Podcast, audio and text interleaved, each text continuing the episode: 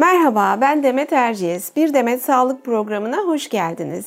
Bugün kalp için önemli tetkiklerden birini konuşacağız. Kalp sintigrafisi neye yarar, farkı nedir? Bunlardan bahsedeceğiz. Yanımda Florence Nightingale Hastanesi nükleer tıp uzmanlarından Doktor Mari Benli var. Hoş geldiniz Mari Hanım. Hoş bulduk. Mari Hanım, e, kalp sintigrafisi diğer adıyla miyokard sintigrafisi nasıl uygulanır? Kalp sintigrafisi bir radyoaktif madde verip o radyoaktif maddenin kalpte tutuluşunun da özel bir cihazda gamma kamera adı verdiğimiz cihazda resimleri çekilerek uygulanan bir tetkiktir.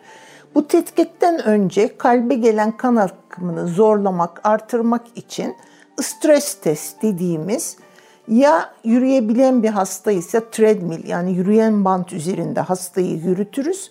Yürüyemeyen hastalarda ise damardan bir ilaç verip damarları genişleten bu madde ile de stres uygulayıp ki buna farmakolojik stres deniyor. Bu uygulamadan sonra da radyoaktif maddemizi vererek kalp sintigrafisine başlarız. Bu kalp sintigrafisi halk arasında talyum olarak da bilinir.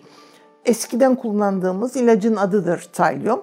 Artık pek kullanmıyoruz ama duydukları zaman onun da aynı tetkikten bahsettiğini bilmek açısından yeri gelmişken belirteyim. E, bu radyoaktif maddenin bir zararı var mı? Etki süresi ne kadar?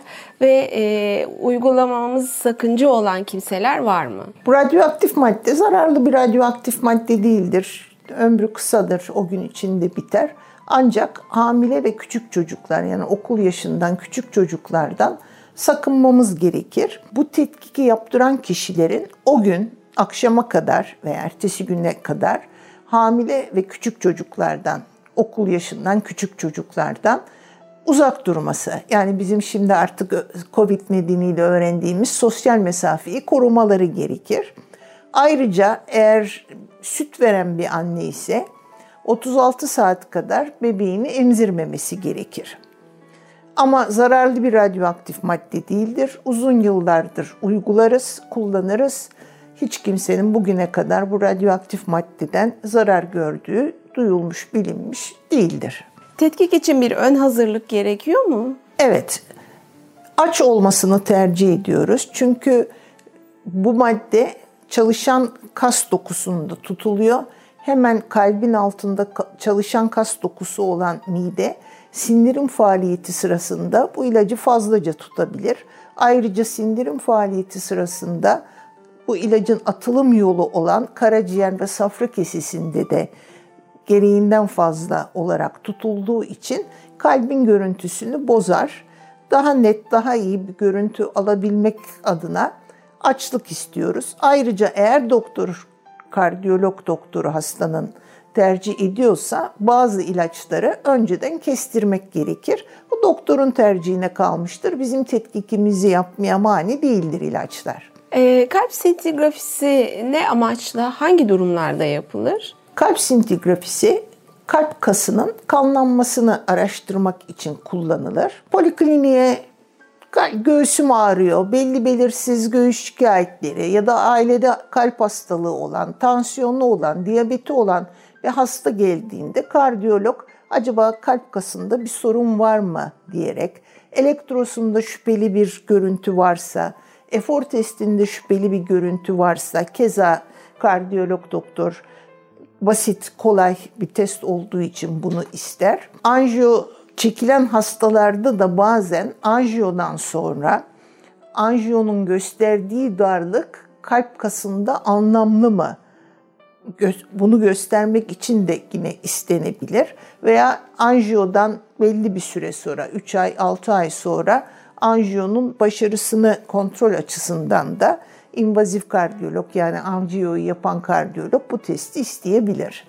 Ee, özetle kalp sintigrafisi tam olarak neyi gösterir diyebiliriz?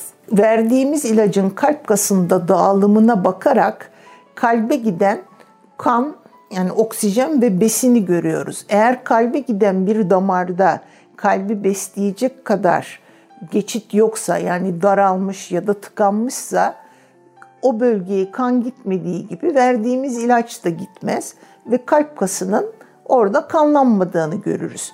Sol kalp kası kalın bir kastır ve bütün vücuda kan pompalar. İyi beslenmezse vücuda kan pompalama görevini de iyi yapamaz ve hastada çeşitli şikayetlere sebep olur. Bunun kontrolünü de bu tetkikle çok e, kolay ve basit bir şekilde sağlamış oluyoruz. Peki e, anjiyografiden, koroner anjiyografiden farkı nedir? Koroner anjiyografi kalp damarlarını bir yol haritası gibi gösterir. Kasıktan ya da koldan girilen bir kateterle damarlara verilen kontrast maddenin dağılımına bakılıp bir yol haritası şeklinde kalp damarları görülür. Bir yerde darlık, tıkanıklık varsa da onları saptar ve darlık derecelerini bildirir. Fakat damarı geçtik, kalp kası nasıl besleniyor? Çok fazla bilgi veremez.